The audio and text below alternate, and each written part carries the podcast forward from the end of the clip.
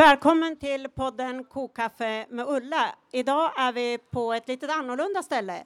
Vi brukar ju sitta hemma i köket och, och mala kaffe och sådär. Men idag har vi värmt upp först genom ett besök i Bollnäs och nu är vi här i Gävle på torget. Och eh, jag har malt mycket kaffe och Jonas har pratat. Och Jonas Sjöstedt är faktiskt gästen som är här idag. Välkommen! Stort tack. Det har varit väldigt kul att vara ute idag tycker jag i valrörelsen och möta folk. Mm. Men liksom, vad frågar folk dig om? Ja, man kan säga att det finns många som är oroliga för vad som skulle hända i Sverige om eh, olyckan skulle vara framme och vi skulle få en blåbrun regering. Det är ganska vanligt. Det finns många som frågar om praktiska saker, pensioner, elpriser, sjukvård, kollektivtrafik, sånt man behöver för att ta ner klimatutsläppen och så. Så att jag upplever att eh, det, ja, det är ett ganska konkret politiskt samtal som skiljer sig en hel del från det rätt höga tonläget på sociala medier och i tv och så. Mm. Eh, jag tänkte vi ska återkomma till det där. Eh, men jag tänkte faktiskt vara lite fräck och börja med lite sådana här eh, minnen som jag har av dig. Okay. Vi har ju känt varandra ett tag. Men första gången jag träffade dig, då ringde du till mig först och så sa du så här, Ulla, får jag komma och sova hemma hos er? Eh, du skulle vara här på en debatt, jag ja, tror det var EU eller något. Och så sa du, och du var EU-parlamentariker, mm. och så sa du, jag vill inte sova på hotell för jag tycker liksom att man tappar den folkliga förankringen så jag brukar sova hemma hos folk när jag är ute. Mm. Så då sov du hemma i vårt gästrum. Mm. Det, det, var första gången. Och sen så berättade du samtidigt att, att du fortfarande jobbade på Volvo på somrarna fast du var EU-parlamentariker mm. för du ville hålla kontakten med ditt jobb.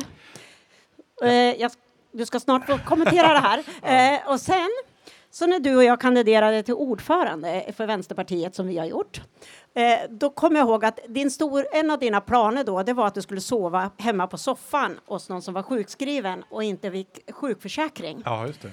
Och sen ett fjärde minne jag har så här, eh, och det tycker jag visar så mycket du. Det var när du ramlade och bröt foten och du ringer från ambulansen och så säger du så här, och Ulla, jag har brutit foten, nu får du hoppa in. Men du, jag har bokat studiebesök redan på ambulansen. Ja, just det. Nej, men det, det, är väl sant alltihopa tror jag det här. Eh, EU-parlamentet var ju väldigt speciellt, det är ju som en bubbla för sig. Och de tjänar bra med pengar och får mycket självbekräftelse och så. Och när jag hade varit där några år, jag kom ju direkt från mitt jobb på Volvo lastvagnar i Umeå, då kände jag att det blir för långt bort. Så då brukade jag gå tillbaka och jobba på sommaren några veckor. Det brukar jag göra. Och det var mer för min egen skull, att det var en sorts eh, verklighetscheck eller vad man ska säga eh, på det sättet. Sen måste jag väl erkänna att när jag ringde från ambulansen hade brutit foten och höll på att planera socker, då hade jag fått ganska mycket morfin. Så jag var på rätt gott humör. Jag kommer ihåg att Aron Etzler då som var partisekreterare, han ringde till mig senare och sa han, Ulla nu får vi hålla koll på Jonas för nu är han rätt hög på morfin och han har jättemycket idéer. så var det faktiskt. Ja, jag får medge det. Men nu är du i Gävle idag mm. och du och jag har varit i Bollnäs på förmiddagen. Eh, du hörde av dig till mig och så frågade Ulla, ska vi göra en liten miniturné i, i valet? Och jag tyckte det var jättekul, för jag mm. gillar ju att jobba med dig. Ja, samma. Eh, och så. Men liksom beskriv lite, vad gör du? Vad är du ute på? Ja, men jag har varit ute mycket på marknader, uppe hemma i Västerbotten och i Norrbotten och sådär. Och då blir det ju mest att man står och pratar med folk. Att folk kommer fram, de snackar, de frågar och man diskuterar politik. Det händer att man får en mikrofon i handen och får hålla lite tal och så. Men det har inte varit så mycket sånt, utan det har mer varit det här direkta mötet med folk. Och många går ju och funderar. Funderar på vad de ska rösta på och funderar på politiken och så. Och jag tycker att det är, det är kul. Det är en av de roligaste delarna av politiken. Det är att liksom träffa folk och olika sorters människor, olika funderingar och sånt där. Det är 98 procent trevligt och 2 procent märkligt. Mm. som vi människor är ungefär, Ja, men som alltså. det är med folk. Ja.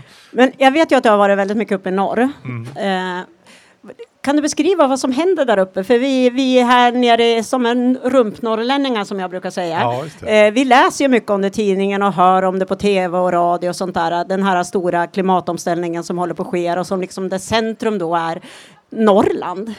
Ja, man kan säga att Sverige har vänts lite grann upp och ner. Därför att jättelika investeringar sker idag i, i övre Norrland, i Norrbotten och i Västerbotten. Det är batterifabriker, det är fabriker som ska göra flygbränsle och fartygsbränsle på skogsråvara och vindkraft. Det är eh, att man ska göra stål utan att använda kol. Och det kan man tycka att det är en teknisk grej, men det är en av de stora utsläpparna i världen som förstör klimatet. Och får vi bort det där kolet i ståltillverkningen, det är en jättesak på att få ner utsläppen. Och gruvnäringen, LKAB som har de här stora gruvorna i Malmfälten, de håller på att ställa om till att bedriva verksamhet med vätgas och vindkraft och så. Och det här är en stor del av Sveriges utsläpp som ska bort. Och att vi ska liksom vara med och ta fram alternativen. Det byggs nya järnvägar. Ja, det sker otroligt mycket och plötsligt innebär det också att den här klimatomställningen som en del kan uppleva som lite besvärlig eller kanske till och med hotfull. I övre Norrland uppfattar man den som det är en otrolig möjlighet. Här skapas nya arbetstillfällen. Här ska kommuner som förut rev bostäder bygga nya bostäder. Här funderar man på vilka som ska flytta hit för att människor ska bo och trivas här. Så det är lite grann en annan stämning, en kan man säga mer optimistisk stämning. Man också ser vilken möjlighet det är det här att vi ska göra oss av med de fossila bränslena som vi intervjuar, eller som vi inte intervjuar, vi, som vi importerar från skurkstater som Putins Ryssland och Saudiarabien och sånt där också som vi är, har gjort oss beroende av. Men vi ska, nu ska vi ju bli av med det beroendet. Och det vi har försökt att föra fram det är att vi ska inte nöja oss med att vara liksom naturresurserna för de som tjänar mycket pengar på gruvor och vattenkraft och vindkraft. Nu är det dags att de betalar för sig. Alltså att, att de betalar för att vindkraftverken får resas. Att vattenkraftskommunerna får tillbaka en del av pengarna.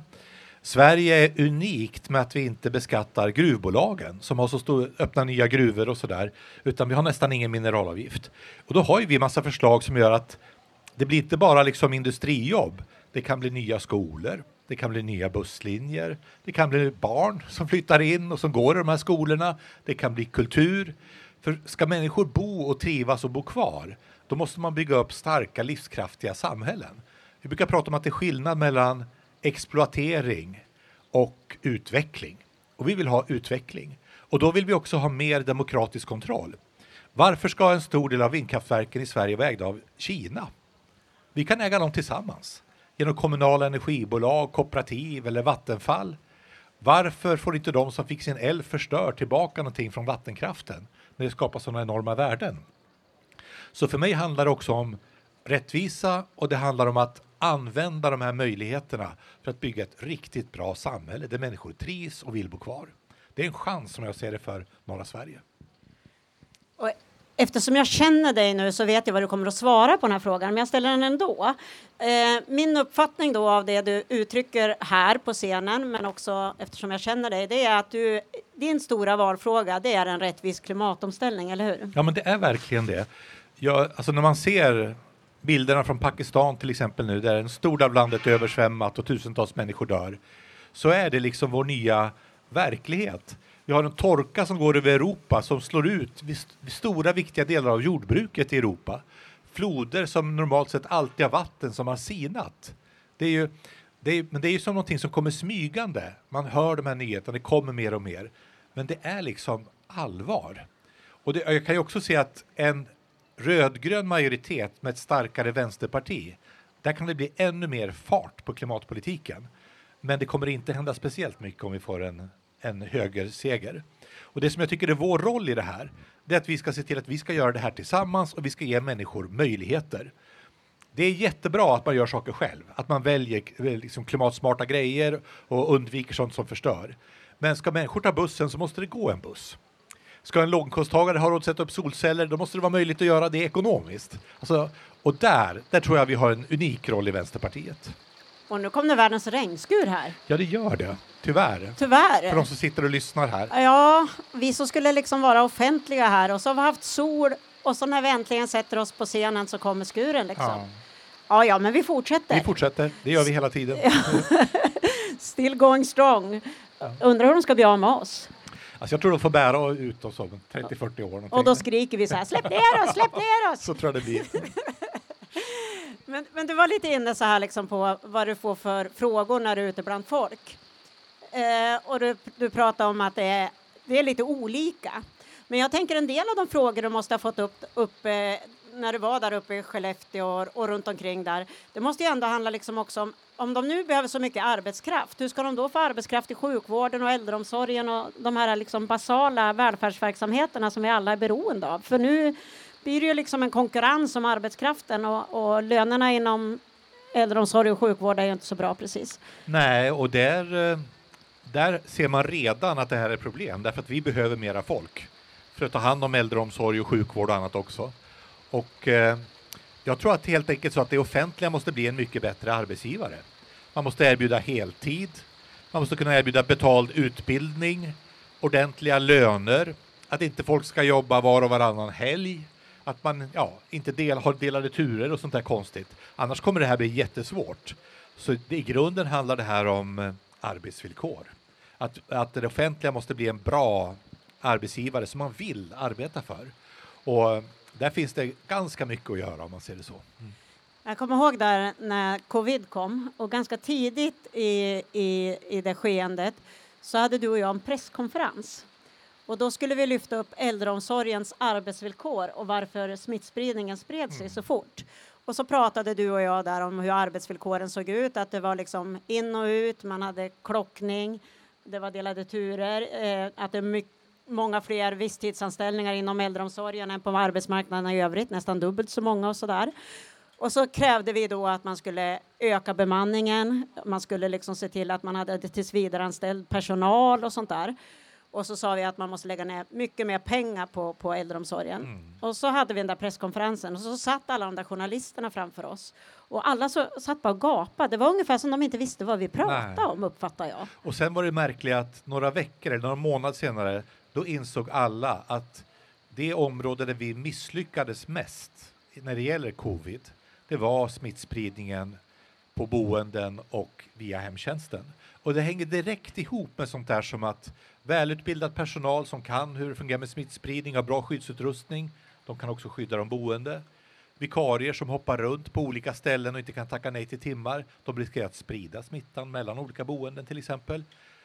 Så att eh, vi var lite tidiga där, men vi hade rätt.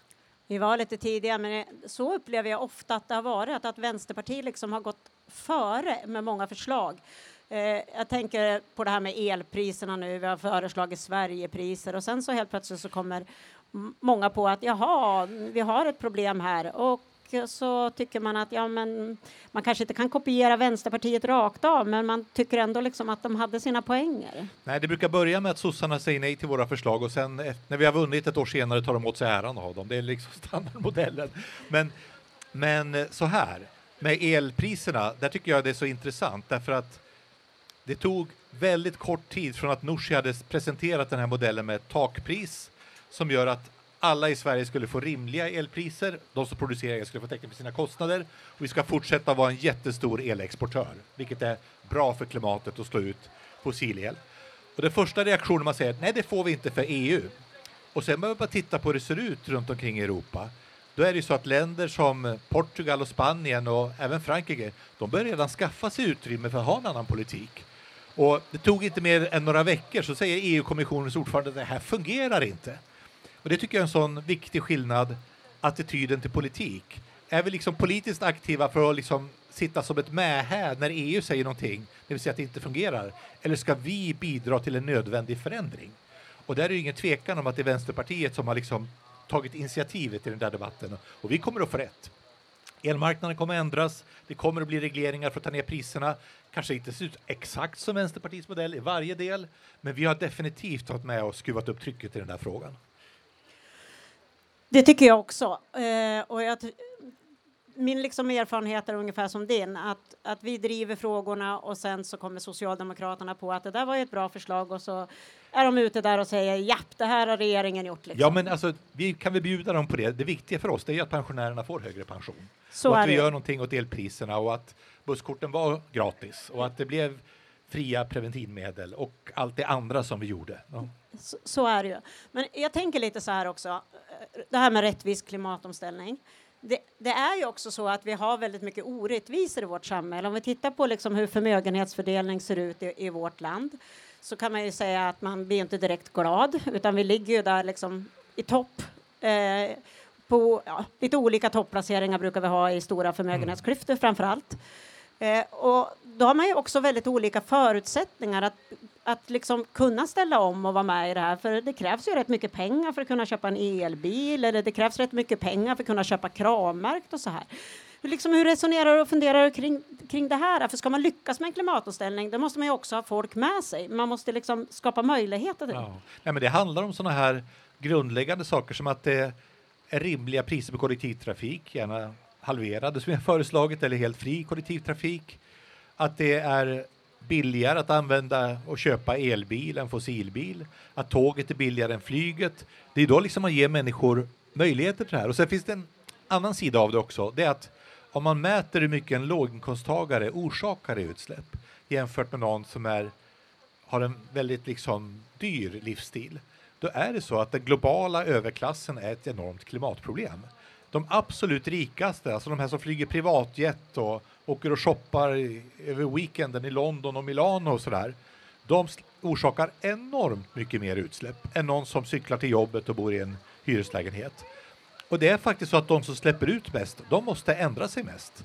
Oavsett om det är privatpersoner eller om det är företag. Vi har ju föreslagit en flygskatt där man får mer skatt för varje gång man flyger. Vi kallar den Carl Bildt-skatt, för han är ju som typ mer i luften än på jorden. Och då, då måste de, det är både ett sätt för dem att liksom få dem att ändra livsstil, men också ett sätt att finansiera nödvändiga klimatinvesteringar. Så vi har ju tagit fram förslag för de här sakerna. Att liksom det ska vara enkelt att ställa om. Att det ska finnas vegetarisk mat i skolor och på äldreboenden. Att det ska vara tillgänglig kollektivtrafik, att folk ska få hjälp att, att eh, hyreshusen kan byggas om och så där också. Och det är väl det tycker jag ibland som Ibland får jag fråga vad som skiljer oss som Miljöpartiet, för det är liksom vi två som har en riktigt bra klimatpolitik. Och ska säga att det är det här, de gemensamma lösningarna och rättvisan som är Vänsterpartiets signum.